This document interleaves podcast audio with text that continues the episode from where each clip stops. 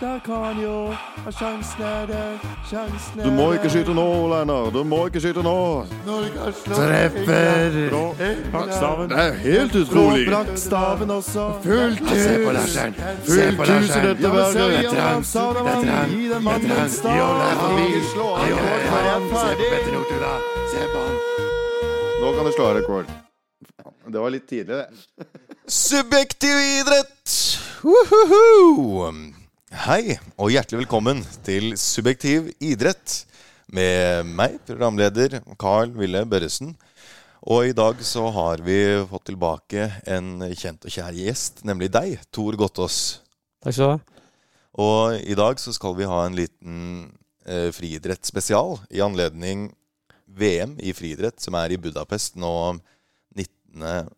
Eh, til 27. august. Og ser du frem mot VM i friidrett, Stor? Ja, jeg gleder meg enormt. Altså, frihet er det morsomste jeg vet å se på på TV. Kanskje etter langrenn.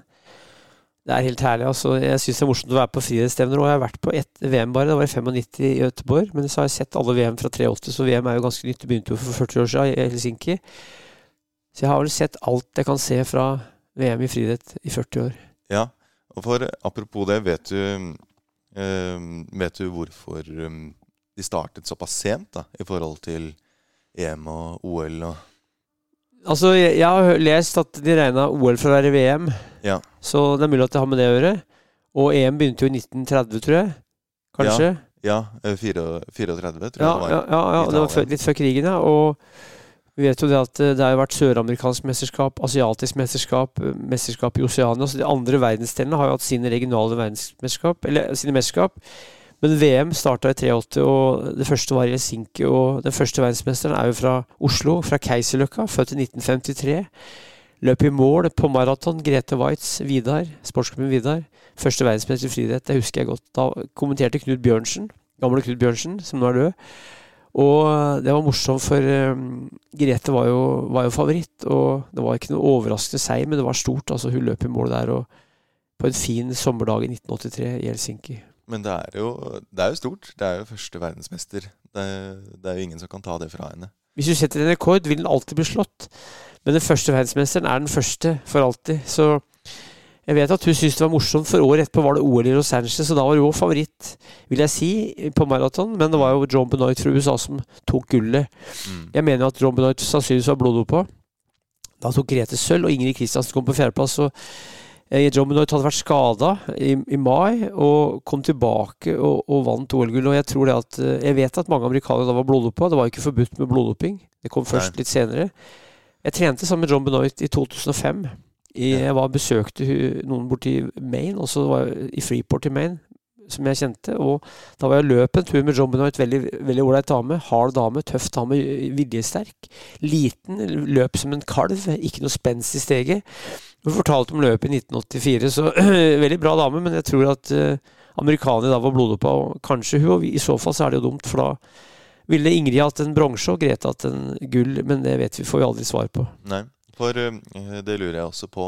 Hvordan eh, kan de norske ha gjort det så bra med tanke på at det var så mye snakk om og spekulasjoner om doping? Da var det veldig få damer som satsa langdistanseløping, eller få land. Mm. Det var jo Portugal, og så hadde du noen oppi her. Afrika hadde ikke begynt å løpe noe særlig for damer ennå, så konkurransen var ikke så bred. Men det er klart, de beste var jo best uansett. Men Mm. i maraton og langdistanseløping for damer på 80-tallet, så, så var det hvite damer som dominerte, og Grete var en pioner. Det var også Ingrid. Så Norge hadde to løpere samtidig som var blant verdens beste. og Ingrid har jo bedre perser enn Grete Mm. på 5000, 10 000 og maraton og halvmaraton, men Grete var litt før Ingrid, så Norge hadde altså to veldig gode løpere i den tida der, men på maraton og langdistanse så var ikke mm, doping så ut det var, det var nok doping da, men EPO var ikke kommet ennå, så det var bloddoping de drev med, vil jeg tro. Da, de som dopa seg på 80-tallet, så kom EPO-en litt senere. Mm. Ja, for vi skal jo snakke litt om dette, og så um, gå gjennom uh, friidrettshistorien. Eh, Ja. Så um, da er det jo egentlig bare å sette i gang. Eh, Friidrett er jo en urgammel idrett. Vi hører om noe som heter Teltin Games i Irland, som er 2000 år før Kristus ca. Og olympiske leker i Hellas sies å være inspirert av de greske, irske lekene. Og i Hellas så hører vi om OL første gang i 776 før Kristus, men da hadde det helt sikkert vært for det òg. Og du går til Egypt og de gamle kulturene rundt Middelhavet, så var det idretter som ligner på friidrett. Løping er jo uraktiviteten, det er all idretts mor. Og hvis vi hopper til eh, Hellas, så var det en kultur med friidrett der. Idrett, olympiske leker, både for menn og kvinner, som, som varte i hvert fall i 1000 år. Den ble forbudt på slutten av 300-tallet etter Kristus, fordi kristendommen slo gjennom og mente at eh, naken gruppesamvær, for de konkurrerte jo nakne, mennene løp nakne, damene hadde litt klær på seg. Det var, det, var, det var, syndig. Det var noe av grunnen til at eh, idretten ble forbudt i Romerriket pga. kristendommen, sies det. Og da hadde det vært en kultur, rik kultur rundt Middelhavet med idrett av alle typer. Sommeridrett, særlig friidrett og løping. Og det var egne treningssentre, det var lokale konkurranser, lokale kan vi si, klubber. Og olympiske leker som har vært fjerde år. Så det er noe som er gammelt, og det ligger til mennesket å konkurrere. I Norge hadde vi Vikingene hadde et slags olympiske leker nede ved Brennøy i Gøteborg hvert tredje år. Mm. Hvor de løp, kasta stein, skjøt på pil og bue og sloss og drev med bryting. Det var ridning som en øvelse der, tror jeg. Så vikingene hadde det, og det her finner vi i mange kulturer, kanskje i alle kulturer rundt omkring. I steppefolk eh, i Asia, India, Kina, Japan var det folk som løp om kapp og konkurrerte. Både fordi det er naturlig for mennesker å konkurrere, og fordi de kanskje gjorde det som øvelse til krig. Krig er jo en form for idrett, det òg. Så krig var viktig, og, og, og, idrett var viktig for å være god til å krige. Hvis vi beveger oss over til friidrett og løping, så må, kan vi gå til England. og Der hører vi om uh, løping, veddemål på 11-, 12-, 1300-tallet, om konger som var glad, glad i idrett allerede på 1300-1400-tallet. Og stoppeklokka er en engelsk oppfinnelse. Jeg tror den er fra 1700-tallet. Så de fant opp stoppeklokka. Så England er viktig her, for der var det masse løp. Det var veddeløp, hvor de løp fra et punkt til et annet, f.eks. mellom London og Brighton, fra London til Liverpool, eller korte løp, hvor menn løp om kapp, og det var vedding om løp, og vedding om hvem som vant, og hvor fort de løp. Så, så England er viktig. Og da vi hopper over til 1800-tallet, så altså er, er, er, det en kultur, eller var det en kultur i England med, med å drive idrett og løpe? Det var skotske fjelleker, Highland Games, som òg var Der tror jeg f.eks. sleggekast Det heter jo, shot, det heter jo shotput på engelsk. Det var egentlig å kaste ei slegge, tror jeg. Men det ble en øvelse i friidretten. Så høylandslekene i Skottland hadde mange øvelser, tekniske øvelser som senere ble øvelser i friidrett. Og i England var det og f.eks. steeplechase, altså hekkeløp. Da hoppa du over hekker. Eh, og, og, og, eller altså hindre i skogen og på, i parker og i utmarka. Så England er viktig. Men altså, hvis vi sier begynnelsen av 1800-tallet, så var det altså en kultur i England hvor underklassen, arbeiderklassen, drev med løping og friidrett, med særlig løping. Men så begynte en del eh, privatskoler. Elevene der begynte å De skjønte at idrett var bra for å styrke kroppen. Det var en bevegelse i Tyskland med en som het Godsmuts, som drev med gymnastikk. Det kom svensk gymnastikk, og fram mot 1850-tallet i England så oppsto en bevegelse som het muscular Christianity. Mm. Så var en bevegelse hvor du skulle være muskuløs, du skulle være kristen, og du skulle trene kroppen og herde kroppen. Ikke bare sitte og lære. Du skulle drive med idrett allsidig. Og det det er Cambridge og Oxford, som var veldig toneangivende universitetsbyer i England, er det fortsatt. Der begynte elevene med friidrett på 1850- og 60-tallet, og den første kampen, stevnet mellom Cambridge og Oxford, var i 1864. Mm. Det var viktig, for da begynte veldig ressurssterke menn, gutter i England, å konkurrere i idrett, friidrett, mot hverandre. Og så ble det stifta en klubb i Oxford, jeg mener det var i 1865 ca., som var Athletics uh, Amateur Union eller noe sånt omtrent het det. Det var altså en amatøridrett. For før hadde mange i England holdt på mot penger. Mens Ernst, den norske løperen fra Fesvik, født i 1795, han løp om kapp mot penger i 1820-30-åra, 40-åra. Det var ikke amatørrett, men de mente at eh, folk skulle idrett for moro skyld, for sportens skyld, ikke for å tjene penger. Så det var viktig med amatørskap. Og England var verdens største makt. Det hadde masse kolonier rundt hele verden. Eller ikke hele verden, men mange steder. Mm. Så friidretten kan vi si oppsto da i England, organisert grovt sett på 1860-tallet. Nå er jeg veldig grov her. Mm. Men altså det var en, en, en idé som spredde seg utover fra England fra 1860 av organisert idrett, sånn som friidrett kjennes i dag. Ja, for var det mm, så engelskmennene tilbake på Hellas da? De gjorde det. De gjorde det, og Eller de irske? De så tilbake på de greske lekene, for fra på 1600-tallet så ble det oversatt en del av de klassiske verkene fra antikken ble oversatt til engelsk, sånn som jeg har lært det. For jeg var i England i 2007 og intervjua en kar som het Peter Radford. Han var professor i, i noe borti England, og han var faktisk bronse i ordet i 1960 på 200 meter og hadde hatt verdensrekord på 200 meter. Han hadde studert den historien her og sa det at det særlig etter 1663, sa han, eller fra 1660-åra utover, så var det veldig mange som var inspirert av antikkens løping. Og det var noe som het Dover Olympic Games i England, som starta tidlig på 1600-tallet. Hvor til og med Shakespeare var til stede, forfatteren. Eh, Så det var altså en, en sånn, for å bruke et engelsk ord, revival, oppblomstring av interesse for antikken og antikkens idrett i England.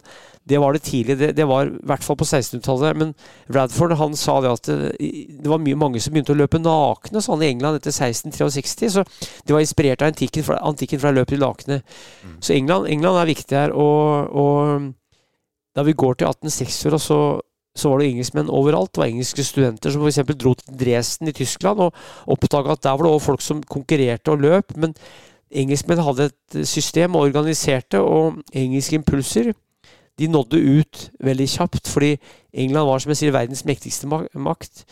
De, hadde, de var et forbilde, akkurat som USA har vært det lenge for oss nå. Så har amerikanske impulser nådd oss, og impulser kan gå veldig raskt nå, og de kunne òg gå ganske raskt på 1860-70-tallet. Så til Norge så kom de her impulsene, kanskje i 1880-åra, fra engelske skip og fra engelske studenter. Og akkurat som friluftsliv er jo en engelsk oppfinnelse egentlig i Norge. Det var engelskmenn som begynte å gå først i fjellet, har jeg lært, i Norge. Klatre i fjellet. Det var engelskmenn, så de lærte nordmenn at her er det faktisk en natur du kan utforske.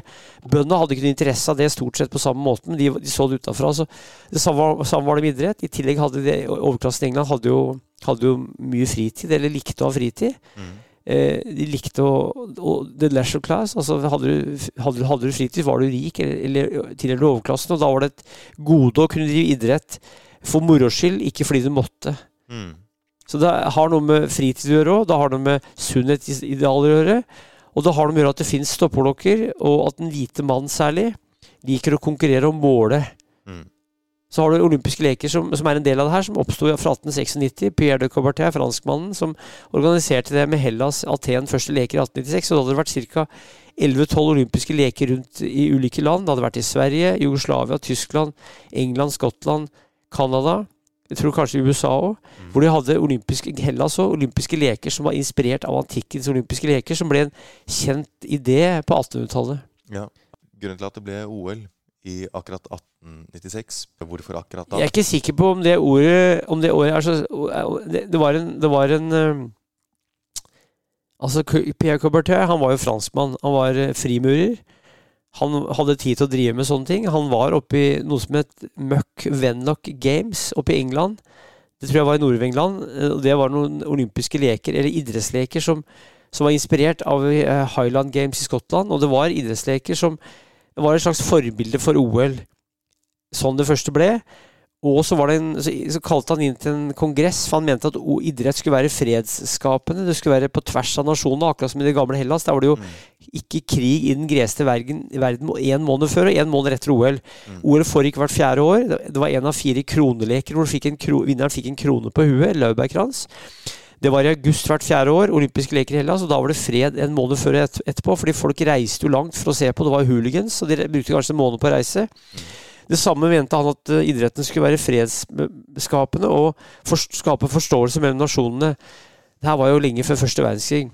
Men uansett så var det en kongress i eh, Paris som jeg mener var kanskje i 1894. Det mener jeg var en olympisk kongress, og da ble det vedtatt det første OL. Så det tror jeg var mer at eh, Hellas skulle æres med første OL. Og jeg, tror, jeg vet ikke om årstallet er tilfeldig, men det ble bare sånn i hvert fall. Ja, og mm, det har jo vært eh, internasjonale stevner i Norge. Vi har jo ikke hatt VM, men vi hadde jo EM her.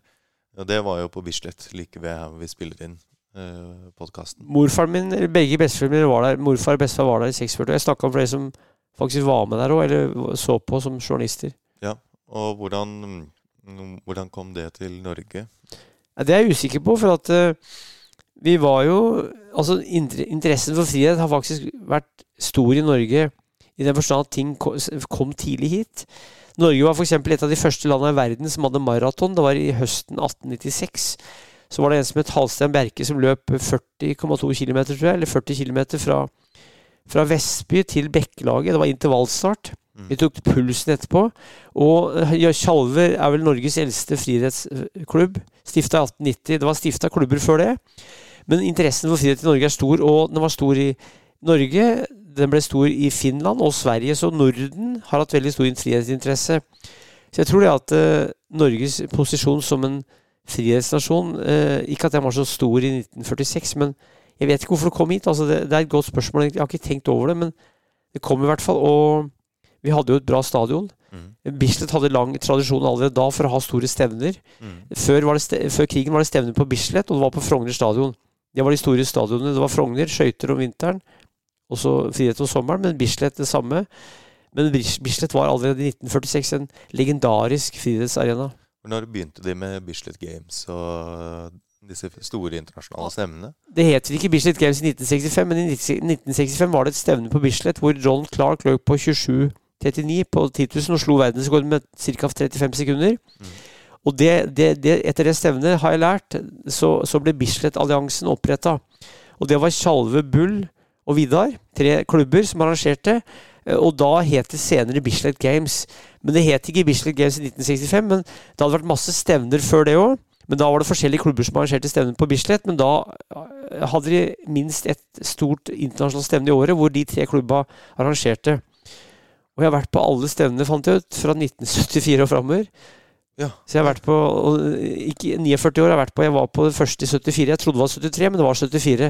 Det var som med bestefar. Da var jeg nesten ni år. Og da var det en som het Rick Wolluter, som satt verdensrekord på 1000 meter. Og bestefar han, han hadde god råd, så vi satt på hovedtribunen, jeg og bestefar. 1974, bort, rett borti hugget her.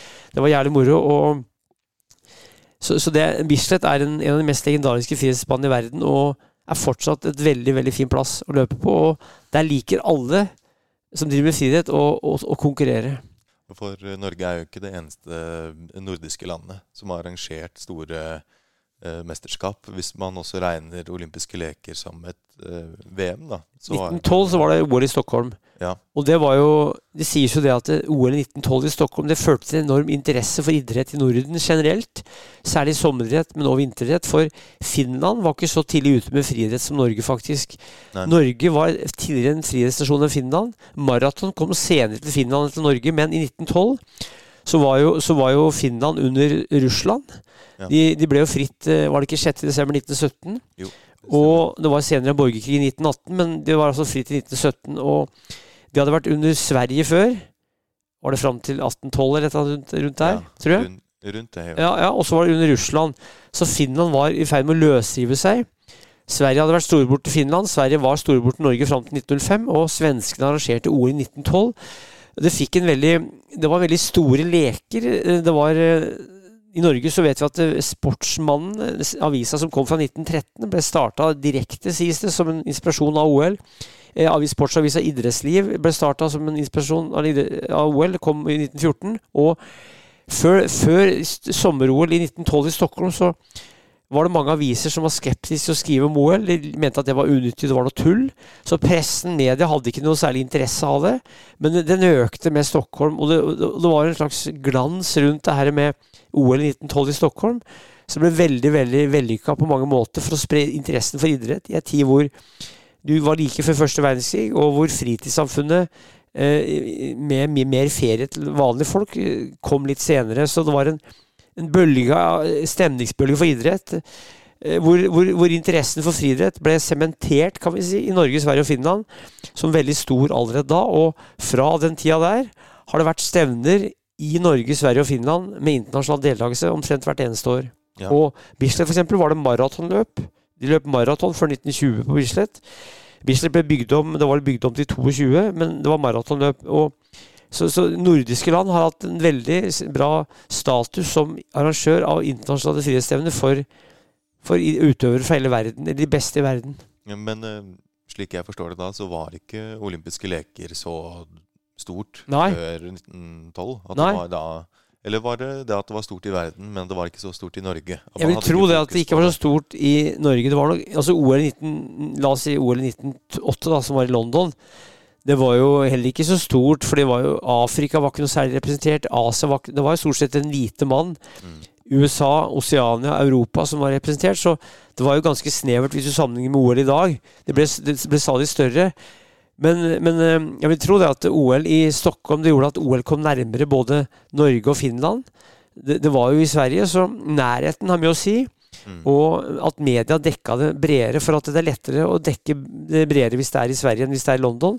Og det hadde vært en del ting i London som skapte skandale, bl.a. det maratonløpet til Dorando hvor han kollapsa. Han, han, italieneren som, som tok en eh, dopingdrikk hvor det var bl.a. heroin og stryknin og kokain. Han holdt jo på å stryke med, og, og, og brøt jo rett før målstreken. Han kollapsa, så det førte til mye oppmerksomhet rundt OL som fenomen.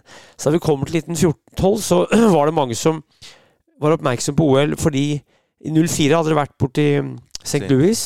Og i 06 var det tiårsjubileum i Aten. Så det at OL rykka nærmere, gjorde at det ble større, virka større i Norge og Norden, tror jeg. Det er jo 1908. Det var vel Er det det som er grunnen til at man løper 42 km som maraton i dag? Riktig, for da var det en, Før 1908, har jeg lært, så var det ca. 40 km. Like så nøye, det var rundt 4 mil. Jeg tror det første norske maraton i 1896 var 40,2 km, eller 40 km.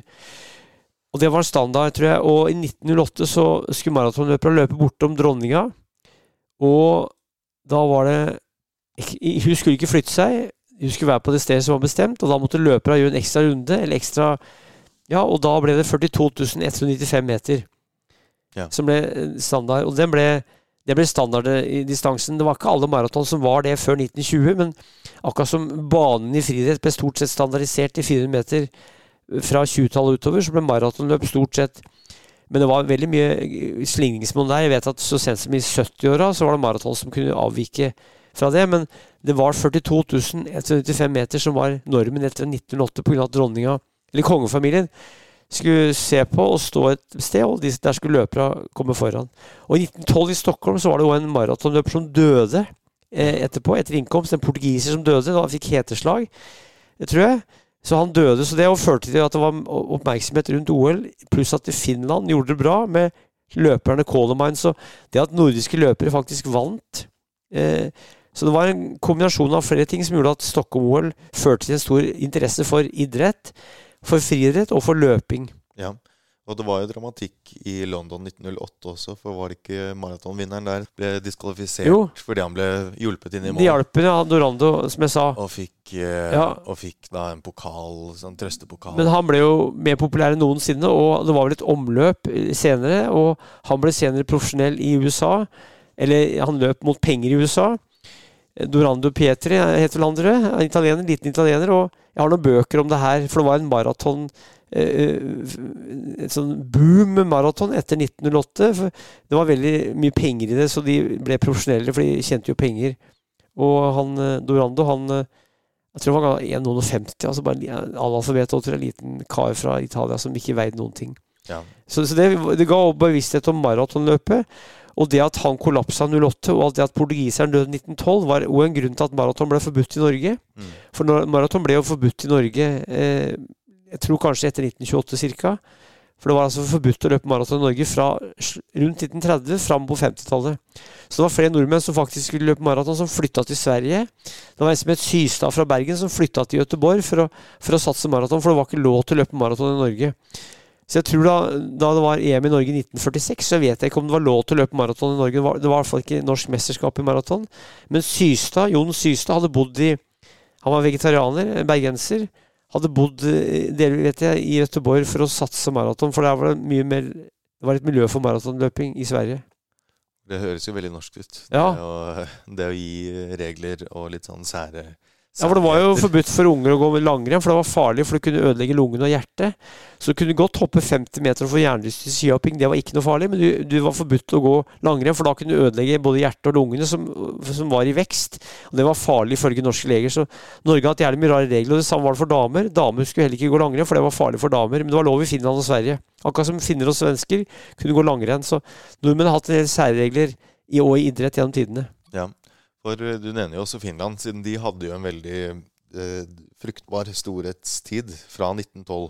og til eh, andre verdenskrig, egentlig. Ja, og brødrene Kolomain de var fra Kuipio. Det var tre brødre, eller kanskje fire brødre. Men Hannes Kolomain, Johannes, var den beste, og han vant jo gull i 1912 og vant jo senere gull i 1920. og Det var ikke noen friidrettstradisjon i Finland, egentlig. og vi vet at det, det, er eksempler både i Norge og Finland og Sverige på at det kom engelske hurtigløpere. Det var menn som kom til Oslo, som kom til Helsinki eller Stockholm og løp om kapp og samla masse penger og samla tilskuere.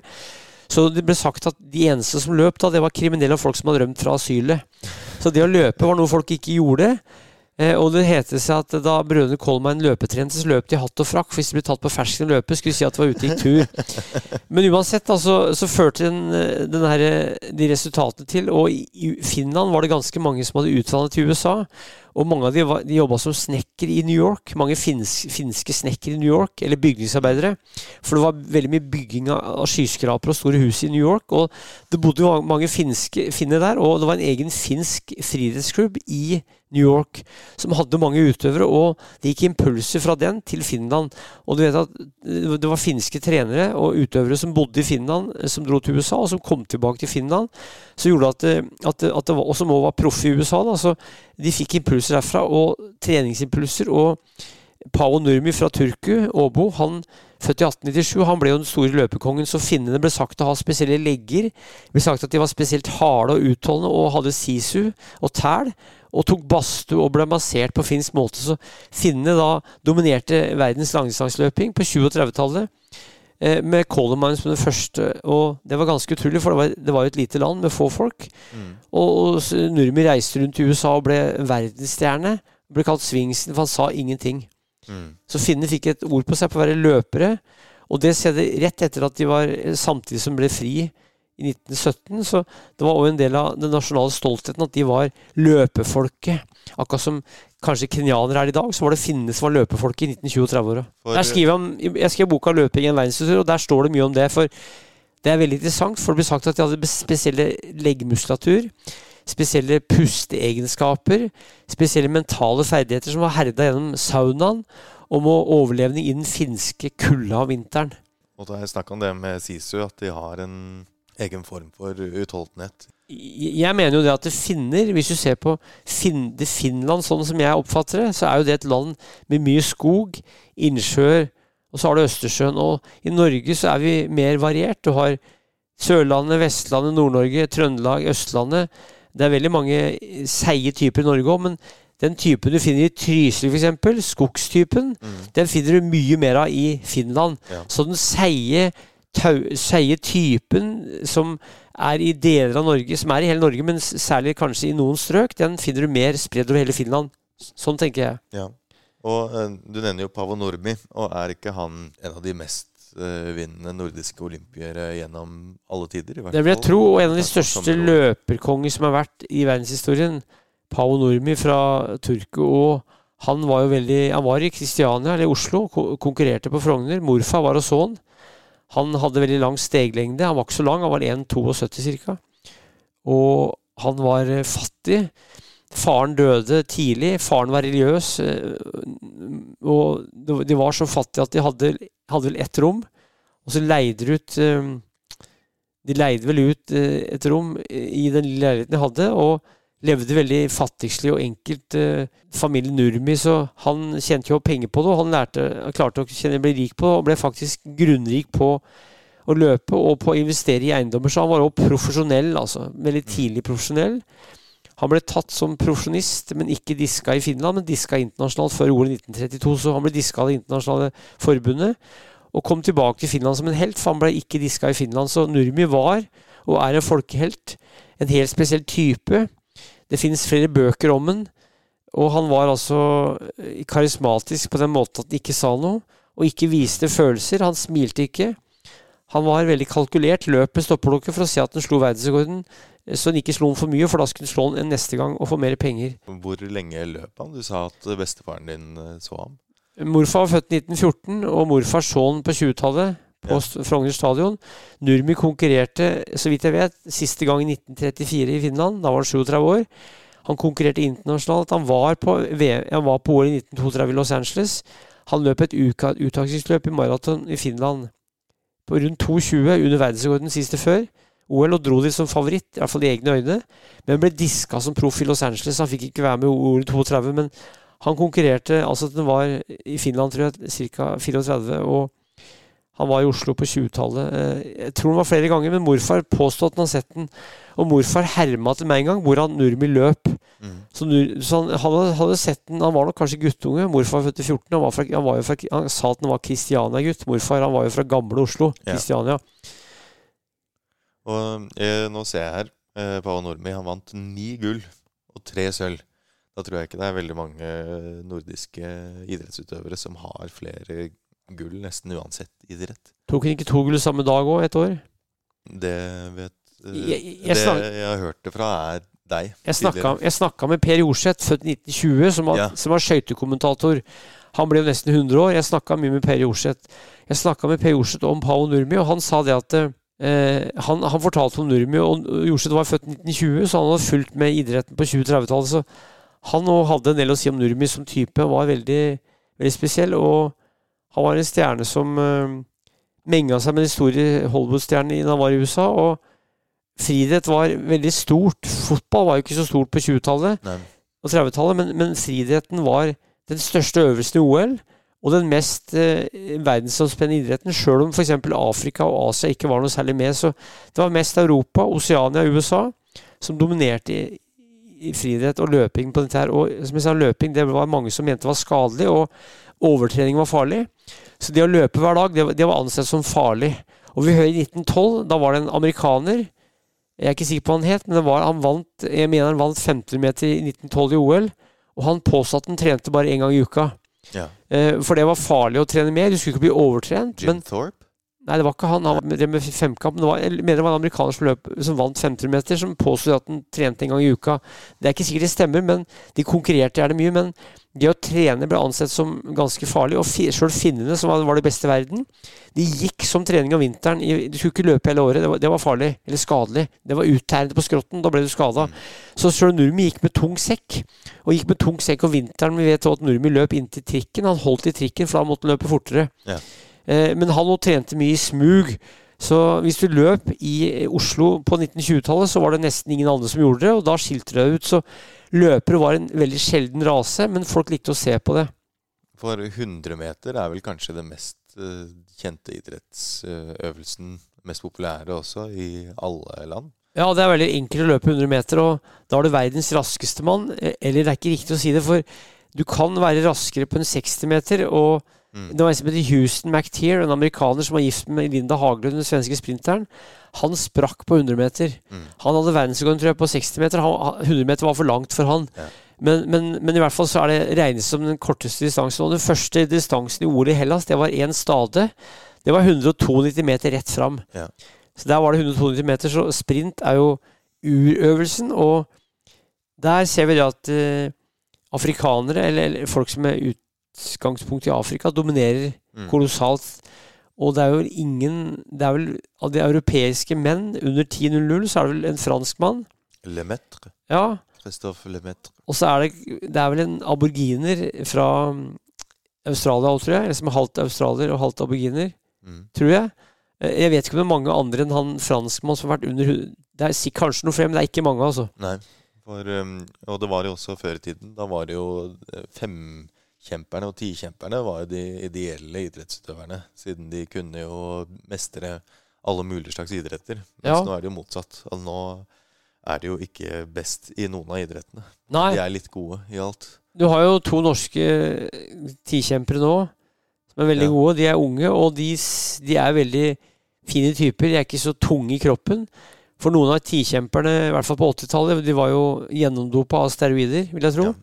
Så de var veldig kraftige, noen av de her tikjemperne. De kunne veie 100 kilo, de, de største. Så tikjempere kan være lette i kroppen òg. Hvis de er eh, sterke, så er det en fordel å, å være sterk, ja. Men de, de trenger ikke å være sånne muskelbunter som tikjempere har vært noen tikjempere har vært gjennom historien. Ja. Og det var vel det, var det eneste gullet Norge vant i EM i 46. Det var vel tikamp. Godfred Holmvang, Ja, det helt sikkert. det var det. ja. Og så har du jo Helge Løvland i 1920 i tikamp.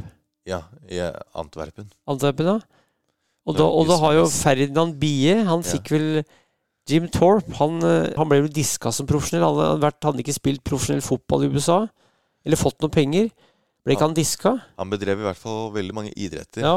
Og ja, jeg tror Var det ikke han som fikk ødelagt noen sko, så han måtte løpe med to forskjellige sko, Jo. eller et eller annet? ja. Og det var vel en nordmann, Ferdinand Bie, som tok ikke han sølv der? Jeg mener han tok sølv i 1912 i femkamp. Det, det kan godt være. Jeg var ikke der. Du sjekker, sjekk, sjekk det. Jeg, jeg kan For. Løvland vant tikamp i 1910, så Norge hadde noen gode tikjempere. Og Gottfred Holmvang han, han vant jo i 1946. Og tikamp har jo hatt høy status bestandig. Og jeg vet at det kom en bok på 80-tallet om tikampens historie. Den har jeg. Jeg fikk en i julegave, husker jeg. Og der står det om bl.a. blant annet Helge Løvland. Han var født rundt 1890, var han ikke det? Han var jo reiste rundt som instruktør og var en veldig fin type. Helge Løvland, sørlending. Bror til Jørgen Løvland var ikke den første norske utenriksministeren, tror jeg. Tror jeg. Det, det, kan, Tror du det? kan veldig godt være. Ja. Det, han, øhm, det står her Ferdinand Bie. Sølv. ja. Sølv i tikamp. Og, for, men apropos da du nevnte Antwerpen, det er jo Norges mest suksessrike OL, i hvert fall. Var det ikke noe seilergull der òg? Det, det var det sikkert. Skyting òg? Norge har jo, er jo fortsatt tredje mest vinnende nasjon i seiling i OL. Selv om vi ikke har vunnet gull på siden etter andre verdenskrig. Har ikke kongen ja, Peder Lunde jr. tok gull i 1960. Ja. Og det har vært noe senere òg. Det var på 90-tallet. Og i 2004 var det vel en kvinne som vant. Ja, og så var det ikke, var det ikke gull i 92 òg, for damer. Det, Linda Andersen, var det ikke jeg som het det? jo, Mener, jeg tror kanskje det. I hvert fall det var, det var noe på 90-tallet, mener jeg. Mener jeg, noe der, det er, det, jeg tror det. Det er for at um, kong Olav har vel vært med på det òg. ja, han er olympisk mester fra Amsterdam i 1928 Ja. i seiling. Må være den eneste kongen, tror jeg, som er, er det. Jeg- Ja, jeg tror, jeg tror ikke det. Han deltok jo også i skihopp. Ikke i OL. Nei, men han kunne vel Han kunne vel ha fått det til. Han hadde vel eh, tredjeplass i Hadde ikke fjerdeplass i 1922 òg? Nei, 1923. Ja, I Sognebakken i Risør hadde han fjerdeplass i yngste klasse, mener jeg, i 1923. Det var vel i, det var vel i 23 det var i Sognebakken innenfor Risør. Ja. Og da, da var han var enebarn, så de spurte mora er du sikker på at han bør hoppe, for da, da kunne du stryke med. Folk døde i skihopping før i tida. Han skulle være med, for det var veldig isete forhold i det rennet der i Sognebakken. Det var noen flere som trakk seg, men kongen var med. Eller kronprinsen var med. Han var kronprins, og det var det siste hopprennet han var med i. Men han gikk senere militære skirenn. Ja. Han var med i patruljøløp på, på skimuseet. Det gamle skimuseet lå ved Frognersetra, og der Ja. var han med i et patruljøløp i 1927, vet jeg. Ja. Det må jo være utrolig om en konge hadde mistet livet i en skihoppulykke. Ja. Det hadde jo vært veldig norskt i så fall. ja, og han var enebarn, så det var skummelt. Men mora sa bare hopp. Ja. Nei, men det mm, Hun var jo fra England også, for så vidt. Ja, Så hun må vel ha vært idrett, idrettsinteressert. Men var ikke, ikke noe særlig skiinteressert, tror jeg. For at hun var med på noen skirenn, men var visst mest interessert i andre ting enn hopp og langrenn. Og de fleste gangene var det Håkon og, og Olav som var på skirenn. Og de var, var på mange skirenn, altså, de gutta der. Ja. Det er, jo, det er jo Vi kan jo gå litt videre. Det er jo store historiske hendelser. Eh, Den største av alle, i hvert fall i, før krigen. Jesse Owens i 1936. Ja, han eh, var jo med der og løp og hoppa lengde og var verdens beste sprinter. Det sies at Hitler mente at de, de svarte var overlegent At de var bedre utrusta for å løpe enn de hvite. Det er det jeg har hørt. Mm. Eh, og han mente at det ikke var rettferdig at de konkurrerte mot de hvite. Men Hitler sto jo og så på, og Jesse Owens han var jo litt av en type, han. Det ble sagt at han hadde Han ble diska som proff faktisk senere. Ja. Så Numi ble diska som proff. Uh, og Owens ble diska som proff, og det kan sammenlignes med doping i dag. Akkurat som Lance Armstrong var tatt i doping. Ja. Så skulle de ta de store for å lage et eksempel. Han ble tatt som proff, og han fikk senere mm, vet at han hadde elskerinne. Da hadde han en egen leilighet hvor han hadde elskerinner. Jesse Owens. Uh, og jeg har snakka med folk som har møtt den. I 1968 var det en som var han til stede i uh, Mexico-OL. Og det er en kar jeg kjenner i Oslo som heter Jan Erik Gustavsen, som er syklist. Han bor ikke i Oslo, han bor på et småbruk utafor Kongsvinger. Han driver med hester, og så har han en sykkelbutikk borte Maridalsveien. Glåmdal Sykkelservice. Han var på OL i 1968 i Mexico, og der traff de Jesse Owens. Og han mener at det ble tatt et bilde av seg sjøl sammen med Jesse Owens, men det har han ikke, og det irriterer han seg over enda, for han var en legende. Og løpsstilen til Jesse Owens var ganske spesiell. Han hadde korte steg, og senere var det en kar som het, eh, som het Michael Johnson, som var god på 200 og 400. Han ble kalt Spettet, for han, han løp det så ut som han svelga et spett han løp. Og han, Jesse Owens hadde mye av den samme løpsstilen som Eller eh, Michael Johnson hadde mye av samme løpsstilen som Jesse Owens, og han tror jeg faktisk løp på, på Adidas, for Adidas er jo tysk eh, skomerke som hadde, som hadde piggsko allerede da. Og jeg tror faktisk Jesse Owens løp på Adidas. Og jeg snakka med en kar som het eh, Torgeir Brandvold, født i 19, 1913. Ja. Han gikk i klasse til morfar, som var født i 1914. Torgeir Brandvold kom fra Hamar, flytta til Oslo og gikk i klasse med morfar. Og Brandvold hadde konkurrert i Finland mot Jesse Owens Ja. eh, på 30-tallet. Eh, og da sa han det at der fikk, i Finland fikk de tilbud om alkohol og horer. Eh, det sa Brandvold nei til. Owens tok alkoholer og horer og vant allikevel. For grunnen til at de tilbød de horer og alkohol, var at hvis de drakk og, og lå med damer kvelden før stevner, så gjorde de det dårligere i stevnet, og da var det lettere for finnene å vinne. For finnene sa så klart nei. Men han sa det at Ovens tok horer, og han tok alkohol, og vant allikevel. Så Brandvold har vært med i stevner sammen med Ovens, han, i Finland på 30-tallet. Så jeg har faktisk møtt en som Jeg snakka med han i 2008, da var han 95 år. Ja. Han ble nesten 100 år. Torgeir Brandvold, som, som var sprinter og lengdehopper på 30-tallet, og konkurrent av, Nurm, eh, av, av Jesse Owens. For Jesse Owens han sa jo også det at han ble bedre behandlet i eh, Nazi-Tyskland enn i datidens USA. også. Ja, ja. De var veldig populære, de, de amerikanske utøverne, svarte amerikanske utøverne i Europa. Mm. Enormt populære. Så de var mye mer eh, ansett her enn f.eks. i USA på den tida. Så, så det er helt riktig, for det var jo de raselovene som gjaldt fram til 60-tallet, for så vidt lenger, og i USA. Så han, jeg har også lest det at han sa det.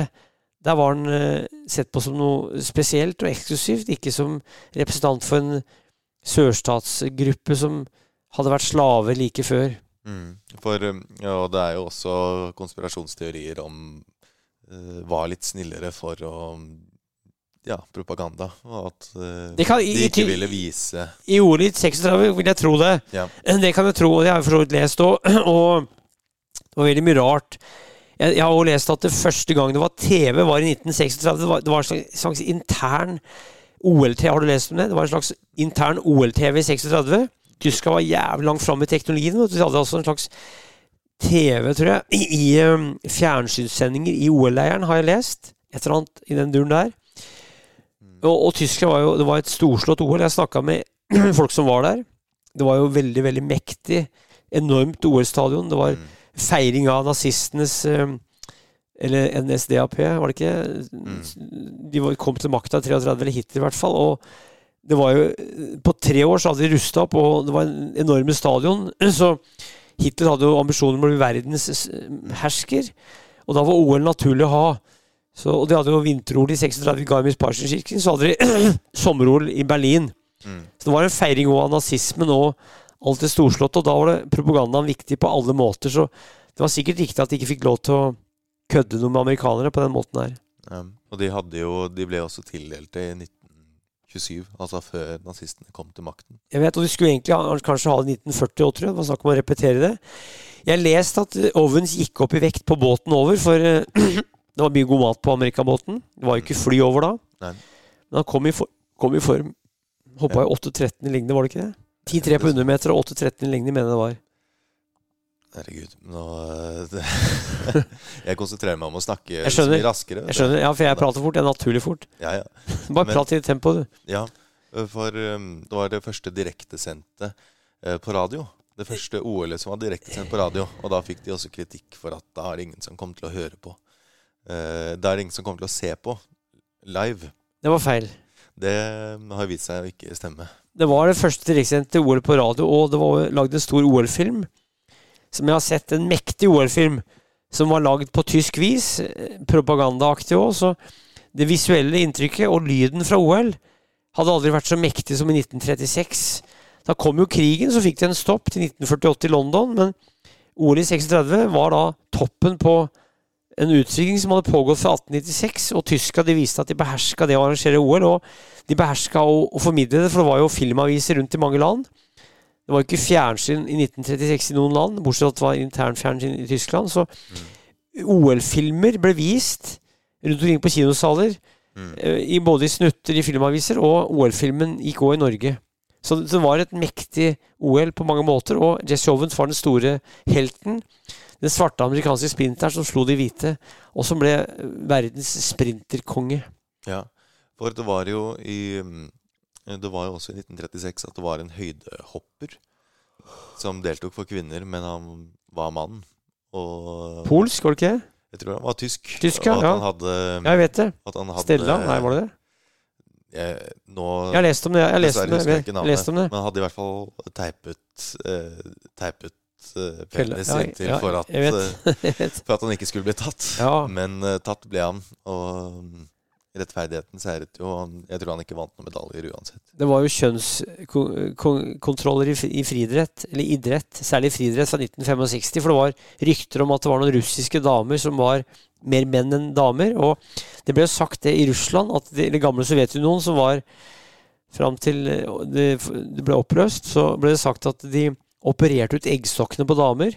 Så de ble mer mandige. Men du kan tenke deg en så stor befolkning som den russiske eller sovjetiske. Det var jo 200, over 200 millioner mennesker. Så så hadde du ganske mange mennesker å plukke av. Og da fant du en del personer som kanskje var inntilskjønn, eller som var mer, mer kvinner enn menn. Og de var ofte god idrett, så det var typisk det. Det var en klisjé i gamle dager at eh, de russiske sleggekasterne, eller damediskoskasterne, og noen av skiløperne var veldig mandige, naturlige. Sikkert, for det er jo mange varianter av, av begge kjønn. Mm. For, Men det kom altså kjønnskontroll i 65 i idrett. For og da måtte damene Jeg snakka med damer som har vært med på det. Da måtte de kle seg nakne foran en mannlig lege. Ja. Altså, det var rett og slett kjønnskontroll med klipp, stripping av klær for, for å undersøke kjønnsorganer, altså rett og slett. Ja, og selv om det selvfølgelig høres eh, veldig merkelig ut, så kan man jo forstå det også. Det var for å forhindre nettopp folk som jukset. I tillegg så var det ikke så mye annet andre måter å gjøre det på. Du måtte bare se hvordan folk så ut, og sjekke hvordan de så ut. Og jeg har snakka med ei dame som var født i 1945, som syntes det var helt forferdelig. Hun hadde ikke, hun hadde ikke engang hatt en kjæreste, sa hun, så måtte stå og kle seg naken foran en lege med frakk. Ja. Nei, det Nei. Men sånn var det. Det var den gang da. Mm. Eh, Men vi kan jo gå litt videre. Det var jo Apropos Pavo Nordmi. eh, Han kom jo tilbake igjen i 1952 som uh, fakkelbærer. Var fakkelbærer i OL-stadion, og det var ukjent. De visste ikke hvem som skulle bære fakkelen. Og da var det et stort brøl. Jeg snakka med folk som var der i 52. Jeg snakka med Jakob Kjersem fra Tresfjord. Han var med på maraton 10 000, i hvert fall maraton. Han var på stadion da. Da gikk det et enormt brøl opp i lufta, og Nurmi som da var skalla og litt feit, ikke, ikke så feit, da, men litt vom mage hadde han, han løp rundt med fakkelen der. Og han var jo da symbolet på Finland. og det var et mektig OL på den OL-stadion som er veldig Du har vært der, du òg? Fin Ja. OL-stadion. Veldig fint. eh, Altså fin, altså, det, gir et veldig mektig inntrykk, er du ikke enig i det? Jo, Jeg, kan tenke deg hvordan du gjorde det da. Jeg, jeg har jo vært både, på, både i den i Stockholm og i den eh, i Berlin. Mm. Og teknisk sett på Bislett, som var Ja. OL-stadion på vinter-OL. Og jeg vil jo si at eh, både Stockholm og Berlin har en mer estetisk Ja, ja. stadion. Altså det um, Helsinki-stadion det har en sånn 30-40-50-talls estetikk Ja, ja. som kanskje Tenk på størrelsen, sånn- tenker jeg på. Ja, men på størrelsen. Ja. Hvis du går tilbake til 1952, så var var det her enormt, altså, i størrelse. ja. Det var ikke noe større stadion i Norden da. Nei, og det er jo, det er jo en særegen stadion. Ja. Det skal de jo ha. Mm. Det er jo ingen Jeg har ikke sett mange stadioner som har sett like ut. Det er kanskje ikke fineste, men jeg, jeg var inne der og ble intervjua av, av BBC. Jeg er inne på stadion, faktisk. De lagde et TV-program om mileløpet som ble, skulle lages i 2012 i London. Det baserte seg på boka mi, 'Løpingen'. Ja. på et. Så jeg bare, jeg fikk inntrykk av at Men det var, det var størrelsen jeg tenkte på. Altså for, for så store stadioner fantes ikke i Norden, så vidt jeg vet, i 1952. Hvor mange tilskuere rommet den da? Jeg vet ikke om det var 50 000, eller kanskje rundt der, eller Ja, nei Altså, og det heter jo Pavo Nordmi-tida, altså Ja. Pavo Nordmis vei. Ja. Um, og ja, han var jo da den største som noen gang hadde vært eh, nesten av løpere generelt. Så det, at han ble populær Ja. da det var han som kom inn. For da var jo Satopek, som eh, vant tre OL-gull på 5000, 10 000 maraton for Tsjekkoslovakia, han ble en slags ny Pavo Nurmi. Ja. Så Salto Nurmi regnes som de største langdistanseløperne av menn i verdenshistorien av mange. I hvert fall av de gamle. Hvis vi tar før moderne tid, før afrikanerne kom opp. Mm. Og Norge var jo faktisk gode i løping på den tida her, for vi hadde jo Martin Stokken fra Snillfjord som løp for Mm. Selsbakk. Han var jo fjerde i verden under 30 på 10 000. Han var med i 52 OL, både vinter og sommer. Du hadde en som het Audun Boysen, eh, som eh, har en bronse på OL i 1956 på 800 meter fra Melbourne. Han løp jo på 1,45,9 på Bislett i 1955, da Roger Mons fra Belgia løp på 1,45,7 og satte verdensrekord. Så Norge hadde han, og så hadde vi en som het Ernst Kruska Larsen, Ja. som, var, som løp hinder. Så Norge var veldig godt forspent med løpere i verdenstoppen på 50-tallet. Du hadde også sprinter Bjørn Nilsen. Du hadde flere løpere, så Øystein Saksvik var en annen kar fra Ranheim. Så vi var en løpernasjon da. Vi hadde ikke så mange, vi hadde gode, noen gode utøvere. Det hadde vi hatt før krigen òg, men vi hadde det på 50-tallet. Mm. Du har jo vært i Melbourne også. Ja. Hvordan er den Olympiastadion? Veldig stor og fin. Og mm, det var jo OL der i 1956, og da tror jeg det var en 70 000-80 000 kapasitet. Altså det var en veldig stor stadion, for Melbourne er jo i dag en by med jeg tror mellom 4 og 5 millioner innbyggere. Jeg var der i 1985 første gang. Da var det 2 millioner, og nå er det dobbelt på 40 år. Ja. Så det har vokst noe jævlig, altså den Melbourne-byen. Eh, og Melbourne Australia hadde ikke mange innbyggere i 1956. Det var litt utafor. Eh, den norske troppen brukte fly, og brukte tre dager på fly. Ja. Eh, Med mellomlandinger, eller? ja, mellomlandinger. Og jeg snakka med en som dro til Melbourne, eller Australia i 1947. Da var det seks uker med båt. Ja. It was six weeks of eating and drinking, sa han. Men, men, men da å fly åtte år senere, ni år senere, det var jo fort med tre dager. Ja.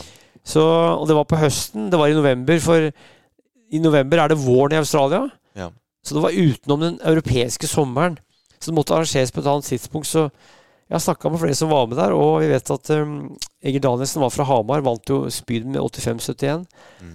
Han var der, og da de kom til Melbourne, så satt han eh, Han var sammen med Ernst Kruska Larsen. Egil Danielsen Audun, Audun Boysen kom litt senere, for han var student. Han skulle holde eksamener i psykologi. De kom til Melbourne, så, så var det en drosje som sto og venta på dem. Og da sa Egil Danielsen eh, Jeg kan ikke engelsk, jeg, sa han. Var jo fra Hamar. Så sa drosjesjåføren 'Slapp av, kara, jeg er fra Brumunddal'. De hadde fått tak i en kar fra Brumunddal som hadde utvannet en hvalfanger eller sjømann fra Brumunddal som hadde utvannet til Melbourne. Og han var spesialbestilt som drosjesjåfør for de norske gutta. Ai, ai. Så bodde de på en farm utafor Melbourne hvor de jakta og annet skjøt, et, eh, skjøt en kenguru og smakte kengurukjøtt. Det spiste Kru- Krusk-Larsen ikke, for han var vegetarianer. Han drakk jo fløte for å holde vekta. Så Krusk-Larsen han, han ja, skjøt en kenguru som de lagde, kjøtt, lagde middag av, men ikke, han spiste ikke, for han var veggis. Jeg, jeg intervjua både Krusk-Larsen og Egil Danielsen om OL i 1956. Det var et eventyr. Norge hadde fem utøvere i friidrett, og de gjorde det veldig bra. Så, så Halvdan Hegtun var vel, mener jeg var reporter, fra Raufoss.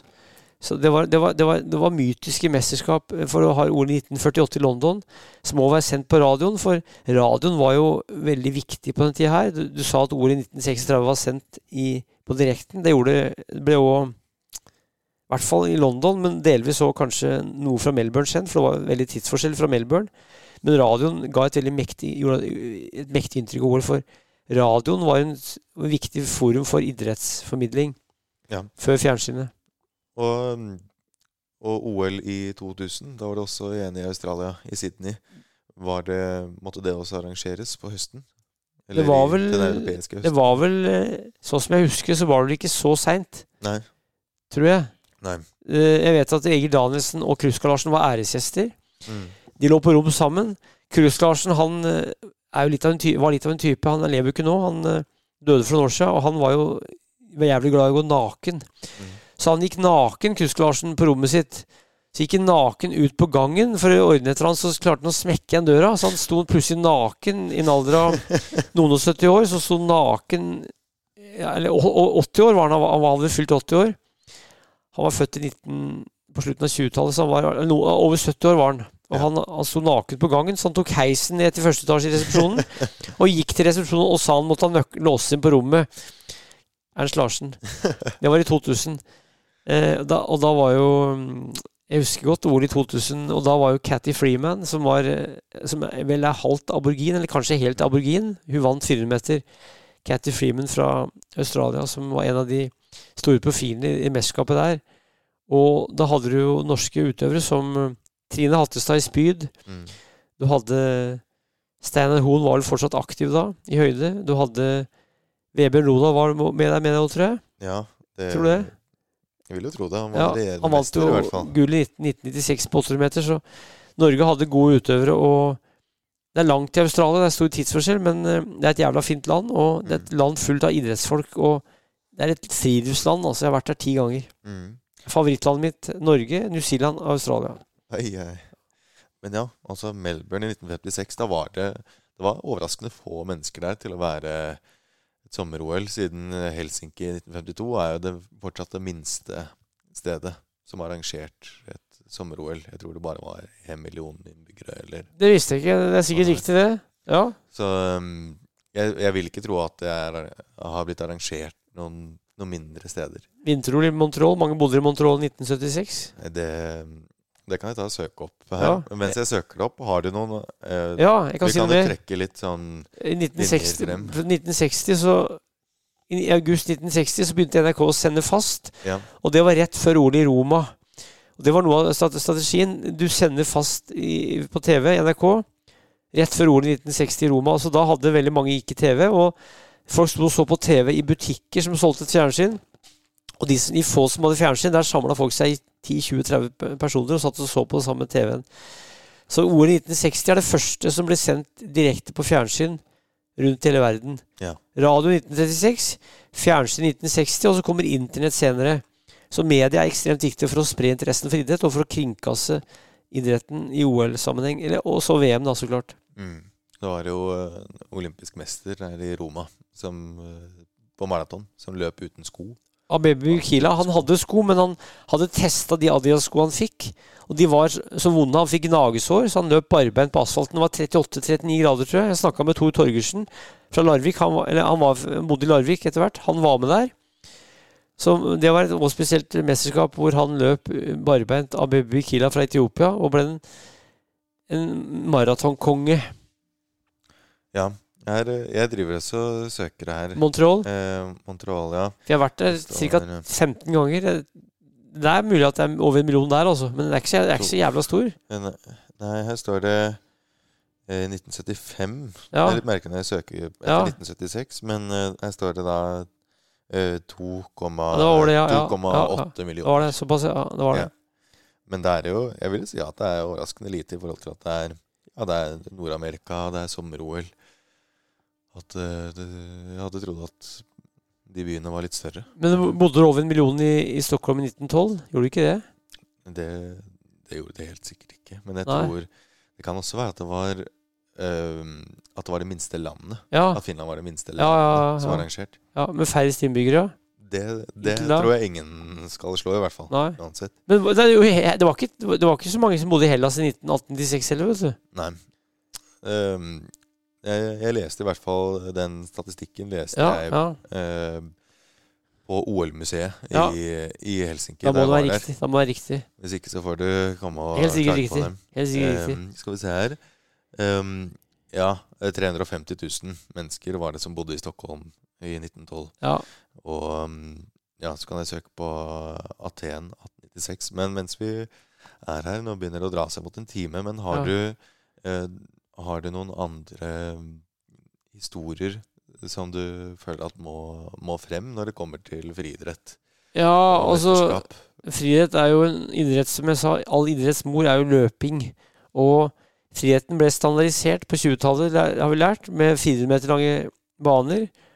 Og den er universell. Men i friidrett så har, har det alltid blitt sagt at du kan, du kan måle friidrett i motsetning til f.eks. langrenn.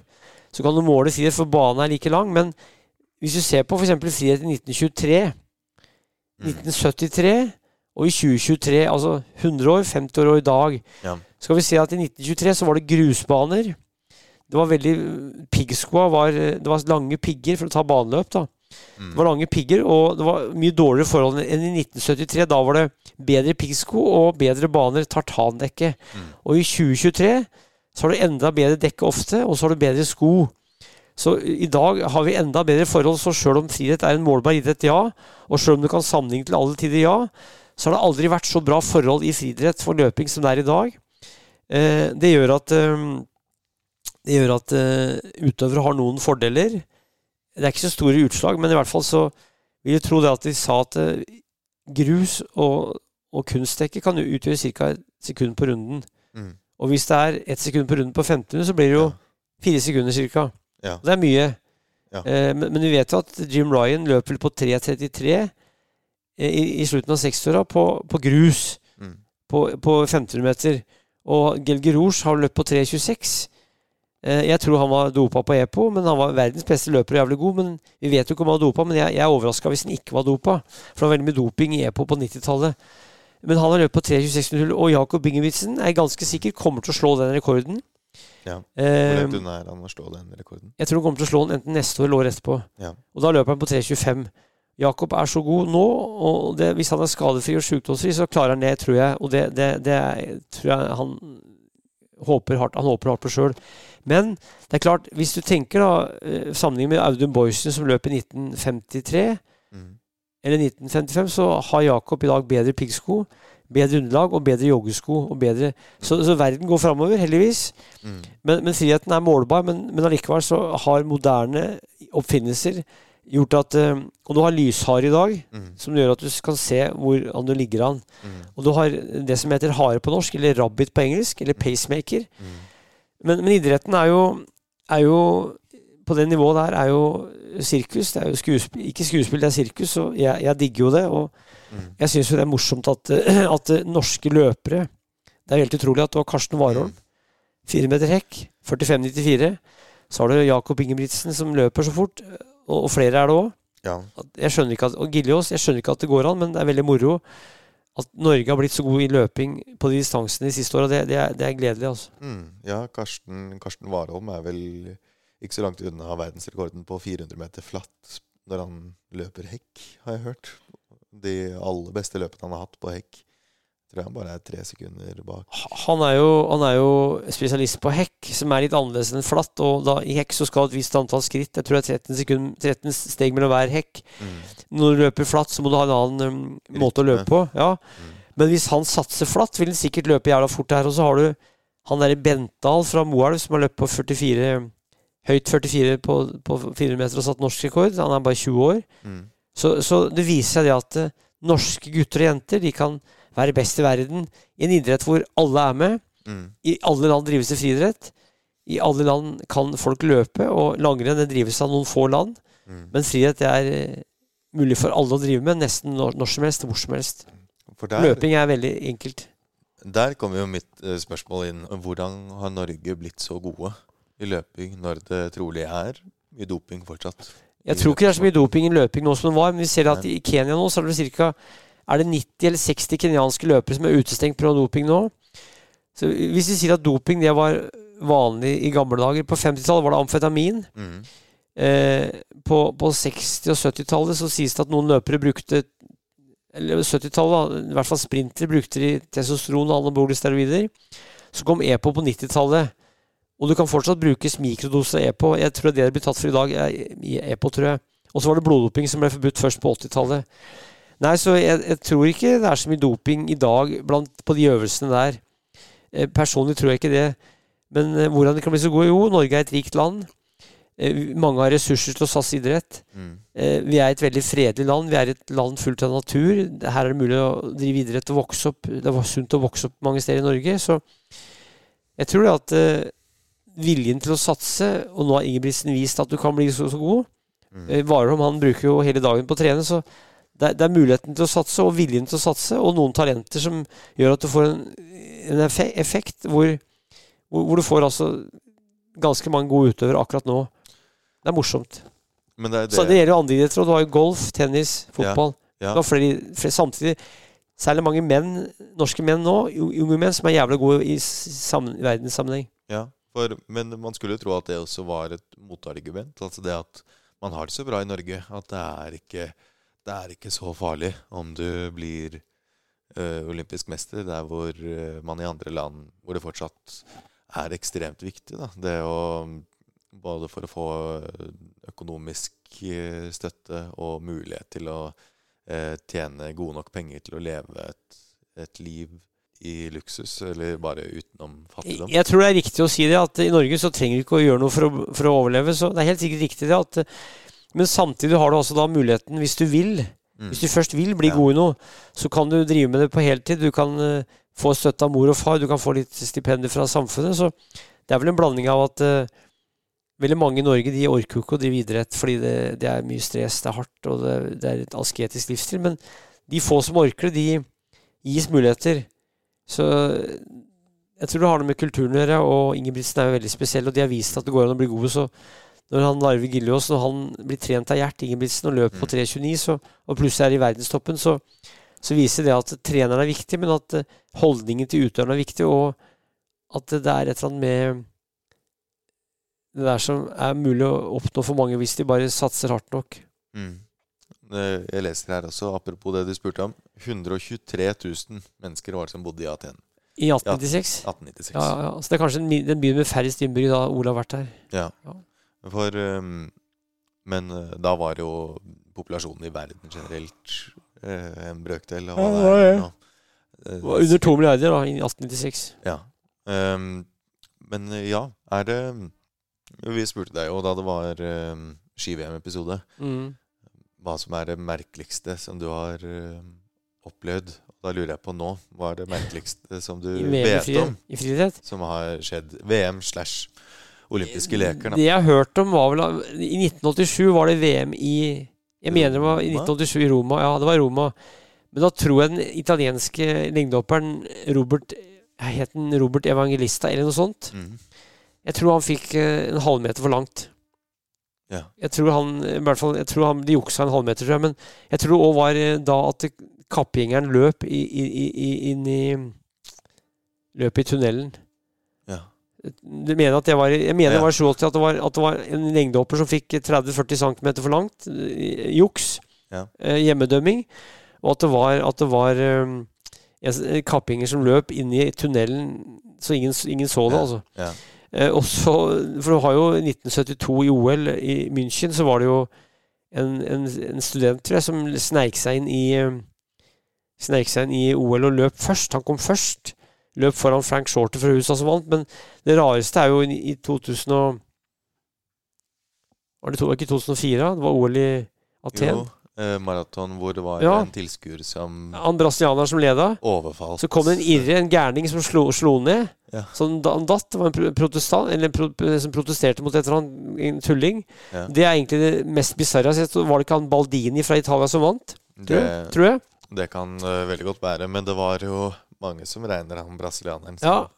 den moralske Han fikk sølv eller bronse, men han ble slått ned. Han leda, og så kom det en gærning som hoppa ut. eh, Det, det er merkelige ting. Så har du jo så har du 1984, har du, det er OL, altså ikke VM. ja, Så har du maraton for damer. Var det ikke sveitsiske dama som kollapsa inne på stadion der? det, Mener jeg? Mener jeg? det, det må du som levde da. Jeg så på, jeg så på, jeg husker jeg satt og så på. Men, men uansett så er det mange pussige episoder. Men eh, når du, også det morsomste var kanskje i 1991, i lengde. Ja. Da hoppa jo Mike Powell 8,95 og slo verdensrekord til Bob Beamon, som han satt i 1968 i, i, Münch- i Mexico. Han hoppa 8,95, og da tror jeg, har jeg hørt, at et av de døde hoppa skal ha vært rundt 9,15. Ja. Det er jo Er ikke det 30 fot, da? Et av de døde hoppa skal ha vært 9,15. Ja. Eh, Og det er jo verdens beste lengdekonkurranse noen gang. Carl Lewis og Mike Powell. Da, da kunne jeg ikke se på, for at jeg lå, lå i Brumunddal med brudd på hjerneskallen etter sykkelulykke. Men men jeg kunne høre det gjennom et annet rom. Ja. Så jeg hørte OL, eller VM, men jeg, jeg, jeg, var i det rommet, men jeg, jeg kunne ikke ligge sitte og se på. Jeg måtte bare høre på. ja. Og det var jo OL i 72. Da var det jo dette dramaet. Ja, og Jan Erik Gustavsen, som jeg skal snakke med etterpå, han sykkelreparatøren, han var der, han var med. Han var med i Sykkel 68-72. Han, Ja. han, var i, han, han så det her på nært hold, altså. Han Ja. har fortellinger fra det fra på nært hold. For eh, gjerne utdyp for lyttere som ikke Det, det var vel en altså, det, det, her er jeg litt usikker på. Det var jo en terroraksjon. Jeg er egentlig blokkert litt der fra minnet mitt, der, for jeg, mm, jeg syns akkurat det, sånne ting er så fælt. Ja. Så jeg har ikke jeg, kan, jeg, jeg, kunne sagt noe om det, men jeg er ikke sikker på om det jeg sier er riktig. Så derfor vil jeg ikke si det Men det var de israelere, og jeg husker jeg leste om det da og så det på TV-en, men, men, men, men det var jo i 1976 var det boikott, og i 1980 Det vært masse tull med OL. Men det med, det med 72 er vel den eneste gangen det har vært terroraksjon på den måten, tror jeg, hvor, Ja. hvor, hvor, hvor, eh, eh, Jan Erik Gustavsen kunne fort, fortalt han, han så det faktisk han, han på nært hold, altså. Delvis. Den der, Du kan slå opp, og så kan du se hva, Hvis du slår opp terroraksjonen 1972-OL, så ja. Jeg burde visst det, men akkurat vet, krig og terror det, det er ikke noe som interesserer meg. Jeg syns det er så fælt at jeg helst ikke vil vite noe om det. Delvis. Skal vi se her. Tragedy struck the 1972 Olympics in Munich when eight Palestinian terrorists invaded the Olympic Village on September 5th and killed two members of the Israeli team. Nine other Israelis were held hostage as the terrorists uh, bargained for the release of 200 Palestinian prisoners in Israel. Ja. Gustavsen han så det her på nært hold, og han kunne fortelle Han var et øyenvitne til noe av det her, sant, til meg. Ja.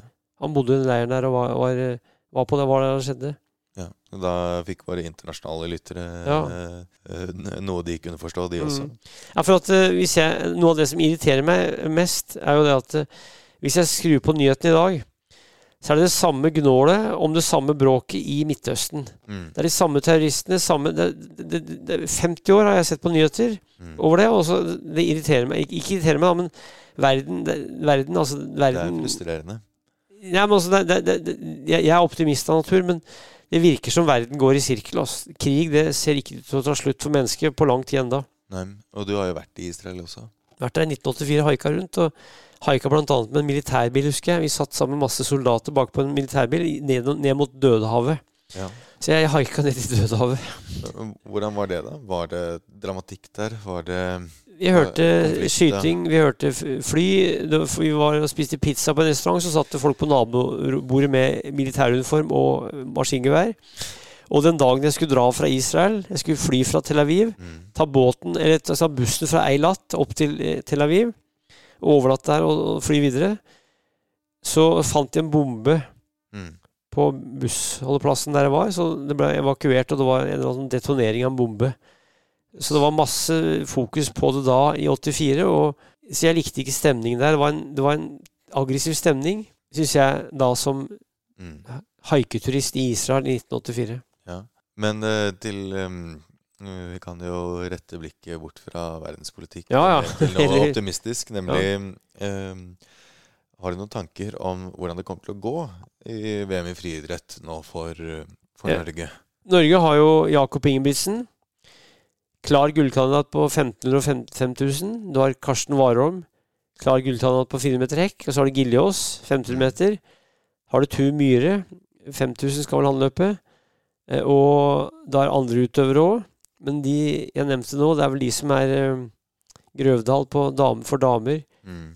Eh, Du har Henriksen i slegge. Mm. Det er flere utøvere. Nå har jeg ikke nevnt alle, altså, men jeg nevner de som jeg, som jeg følger mest med på. Mm. Og Norge vil jo ta kanskje Hvis Jakob tar to gull, det kan skje, så kan kanskje Norge ta tre gull hvis Warholm tar gull. Det, det kan bli tre gull til Norge. altså jeg, jeg vet ikke, Hva tror du? Jeg, jeg tenkte egentlig på det samme. Ja. En eller to gull. Ja, Det er veldig bra å ta ett gull, men to er enda bedre. Og tre det er maksimalt, tenker jeg, hvis Jakob tar to og Karsten ett. Eh, eller Jakob én, to, da. Karsten ett. Ja, Ja. par gull, kanskje. Men, eh, Jeg husker jo det Jeg husker jo hvor stort det var første gang eh, Karsten Warholm vant. Det er i 2017. Ja. Men nå har det jo blitt vanlig, det at Norge vinner gull i En skal, ikke, løpsøvelser. skal ikke forvente gull på 400 hekk, for det er en veldig hard øvelse og hard konkurranse. Jeg husker jeg knuste et bord i 2017. Jeg satt oppe i Brumunddal og så på Ja. hos broren min. Og så slo jeg, og så leda han. Så sa jeg nå, nå slår jeg i stykker bordet. Så jeg slo i stykker et bord og og ødela nesten hånda mi. Jeg knuste altså et bord eh, i. Ja, det var et ganske tjukt bord som jeg klarte å slå i stykker. altså. Så, så det er helt utrolig. Men jeg, jeg hadde vondt i hånda i flere måneder etterpå. Engasjement? Det kan du si. Nei, men det er jo helt utrolig det at man eh, nå, nå forventer man gull. Og jeg Ja. tenkte uh, to, to gull, tre gull maks. Men hvis ikke Jakob vinner, og ikke Karsten vinner De som er skuffa, det er de sjøl. Ja. Så, så, så jeg blir ikke skuffa hvis ikke Jakob Ingebrigtsen er gull, eller varer, men de, du tror sjøl blir enormt skuffa. Ja. Du så i fjor, for det var VM i Eugene i fjor, for fordi det var pandemi, så var OL i 2020 var utsatt i 2021. Og så var det VM i Eugene som skulle vært i 2021, var jo i fjor. Ja. Så nå er det faktisk VM på andre år på rad. Så det er ganske spesielt. Det har aldri vært VM to år på rad, men det skjer nå, altså. I Budapest i år. Ja, da spår vi det. Tre gull. Tre gull til Norge med maks uttelling, ja. Og Ja. kanskje en Altså hvis Giljås. Hvis han klarer medalje, er det suverent. Og det skal mye til å ta andre medaljer, men eh, det kan bli tre gull. Men vi håper i hvert fall på at det blir minst ett gull, altså. Ja. Da hørte dere det her først. Eh, Det blir, eh, håper vi i hvert fall, på tre gull til Norge.